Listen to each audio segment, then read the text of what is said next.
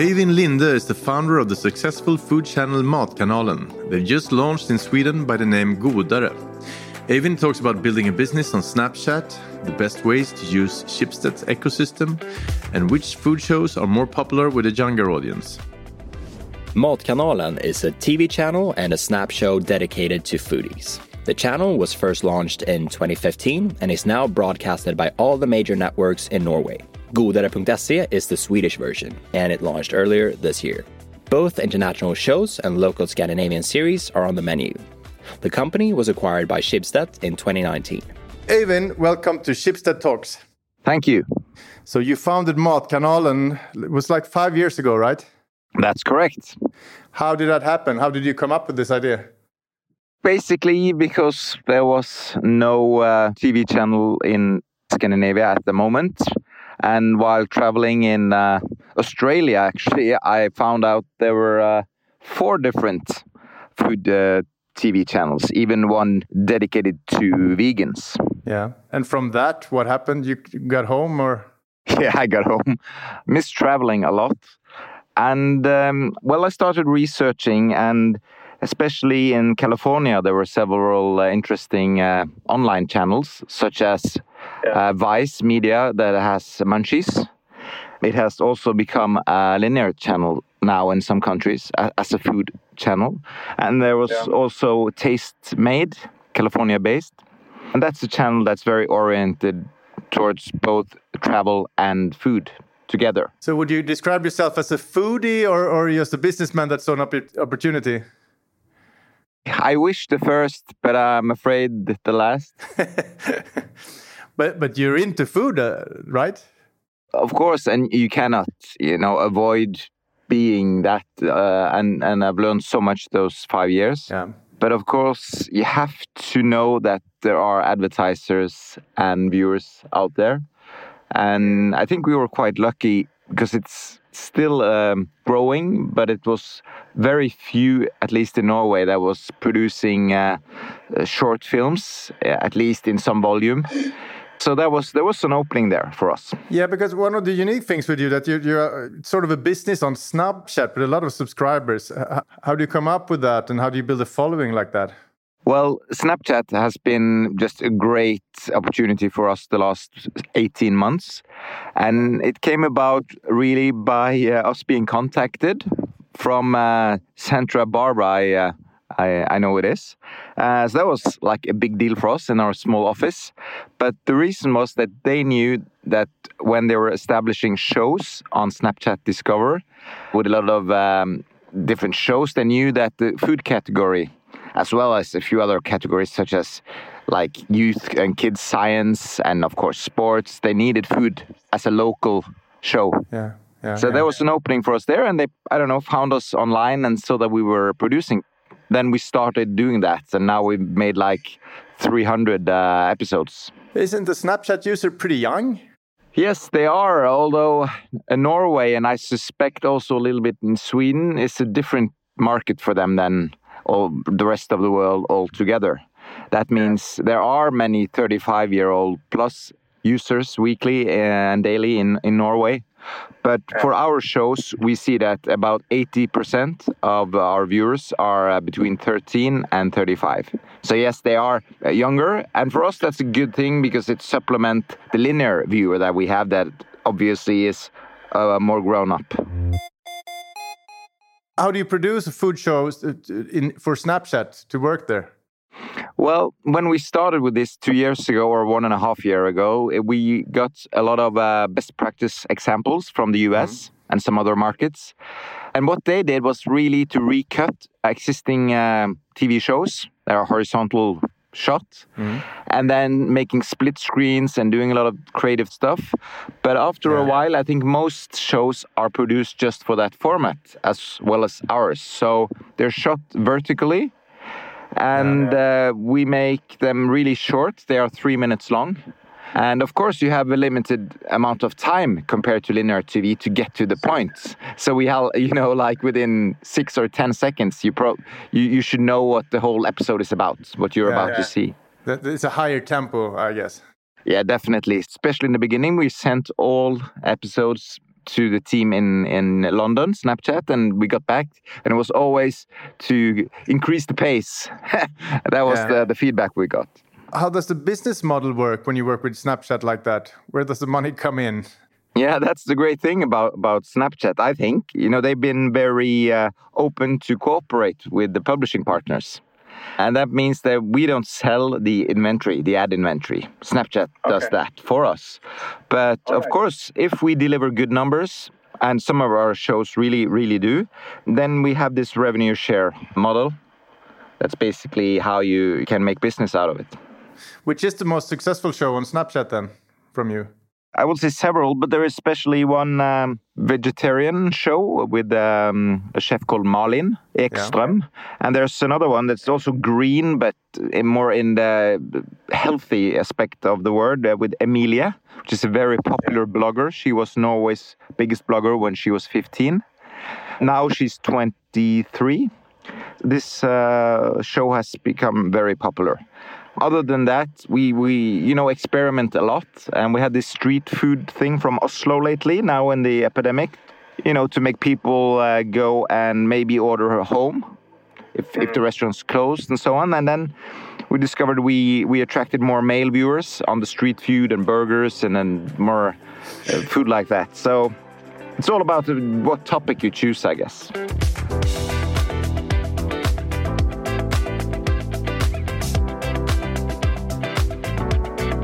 On that note, then, how, has the pandemic affected you? I mean, people cook at home more than ever.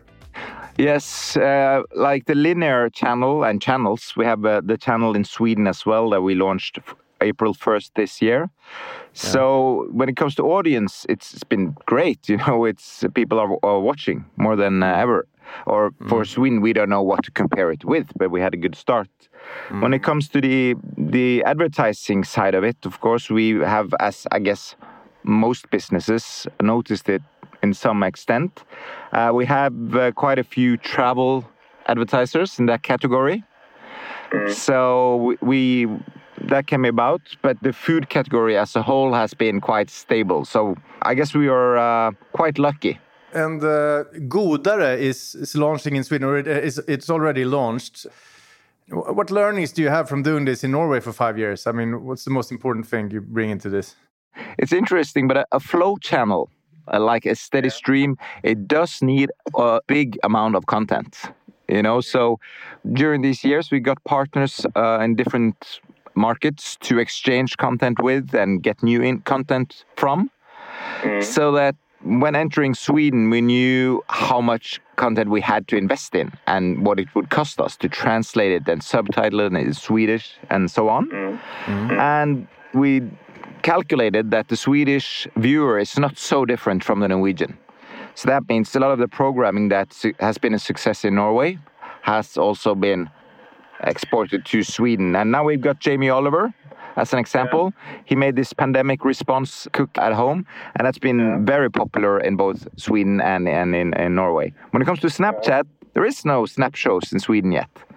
So for once, Norway is before Sweden on some, I don't know, You media are that on many in many. But I, I like the one thing though. You eat a lot of more sandwiches than we do in, in Sweden. Yeah, okay.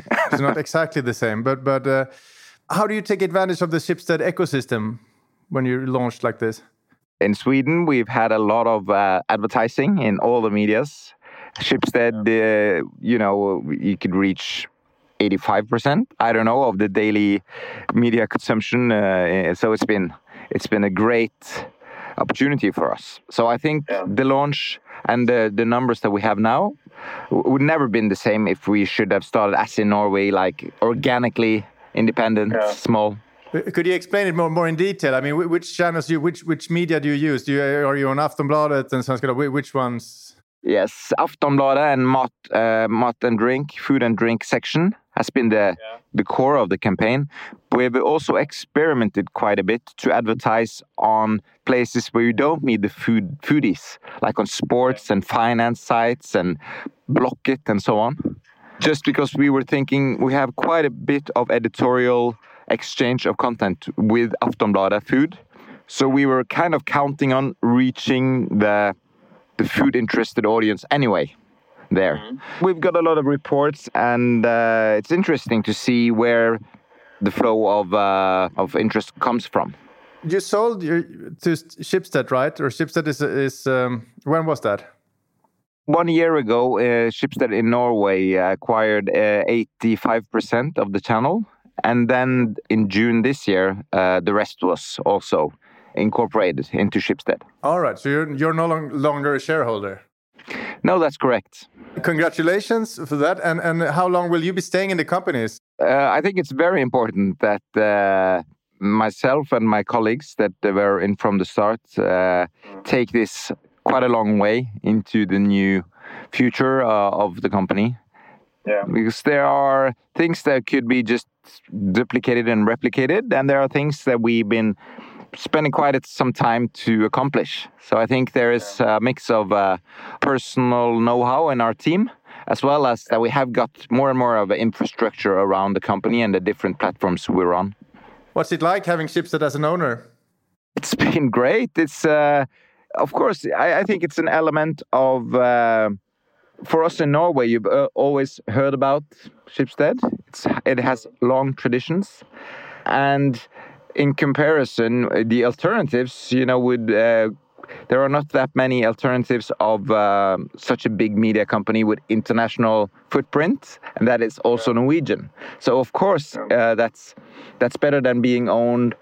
You know, maybe I don't know. I've never tried, but uh, I imagine to be owned by uh, some uh, company with a very different culture from US or Australia or something like that would probably have been more of a change for us. So, um, how's your own cooking then, Eivind? I don't. I don't really don't want to go there. I don't want to talk about it. You have to go there. There's no way out there. I'm coming over for uh, over for dinner on Saturday. how will you impress me? I would pick up my phone and really try to do exactly as on our snap shows, yeah. and um, pick something not too difficult. I guess. What would it be? You have to tell me what will it be. yeah, I could bake for you. That uh, that's not my worst side. What will you bake? A chocolate babka. Oh, nice. Yeah, I could try that at least. And uh, you know, in my private life with three kids and my wife, she's the good chef, and I'm. You know, I really like to discuss it, but when it comes to actually doing it, I'm better at uh, watching. So for Schibsted, it's really important to be a sustainable uh, company. How do you live by that words in in Matkanalen?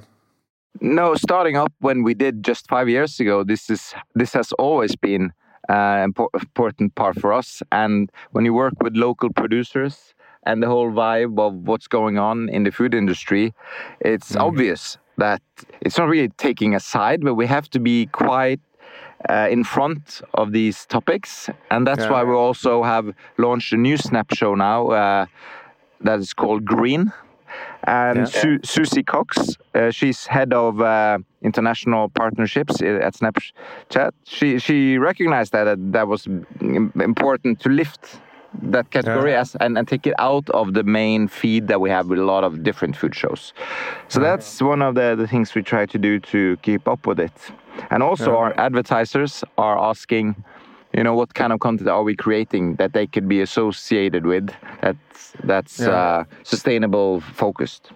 You do a lot of vegan and, and, and vegetarian uh, shows. Do you see a, a, difference there when it comes to the target groups? I mean, does the young people tend to look at those shows more than the elderly, or, or? Yeah, they do, but it's also linked to the fact that the influencers or chefs that we work with are younger and they have their yeah. audience. We've done something now, yoga uh, food, which will be interesting to see if maybe some of the the, the audience will be older because you could do yoga if you're 50 or uh, 80 for that sake. Target groups are important and it, and it is interesting, but still, when it comes to food, I like to think of it like you don't really know who will enjoy it. You know, we don't want to exclude anyone because you could be a great chef being a boy 15. So we really just want to make the content available and then they get to decide to engage with the, with the content. Great, great. So, uh, with all your knowledge, what, what's the next big trend when it comes to food? There was a lot of talk about uh, insects for a while. You know, yeah, I know where to get our pro where to get our proteins from. A bug show. Yeah, that's that's true. I'm not probably not the best one to answer that. That's why I have my, you know, uh, the people I work with that that uh, are into this kind of things. But I, I have to say also uh, that there is more and more people growing uh, stuff at home, or uh, not just even in their basements, you know, without natural lighting. People yeah. are growing stuff. So I think that combination of DIY, you know, that you want to build something and also mm. uh, create your own food. Maybe the pandemic has led us to be more creative of what we can do within our small apartments or on rooftops and so on. Last question then. Say that I'm, going to start looking at godare.se today. I'm pretty. I'm not. A, I'm not a very great chef, but I, I like to cook. Which show should I start with tonight? One great opener to get into it is yeah. when you look at the wine show, which is maybe the most popular that we we have, with with the actors that are known from. Uh, Downton Abbey and the Americans and so on. They travel to Italy where we can't go just now and they go to Portugal and the weather is fine. I think now when it's raining outside and that's you know to watch that for one hour it's just yeah. amazing.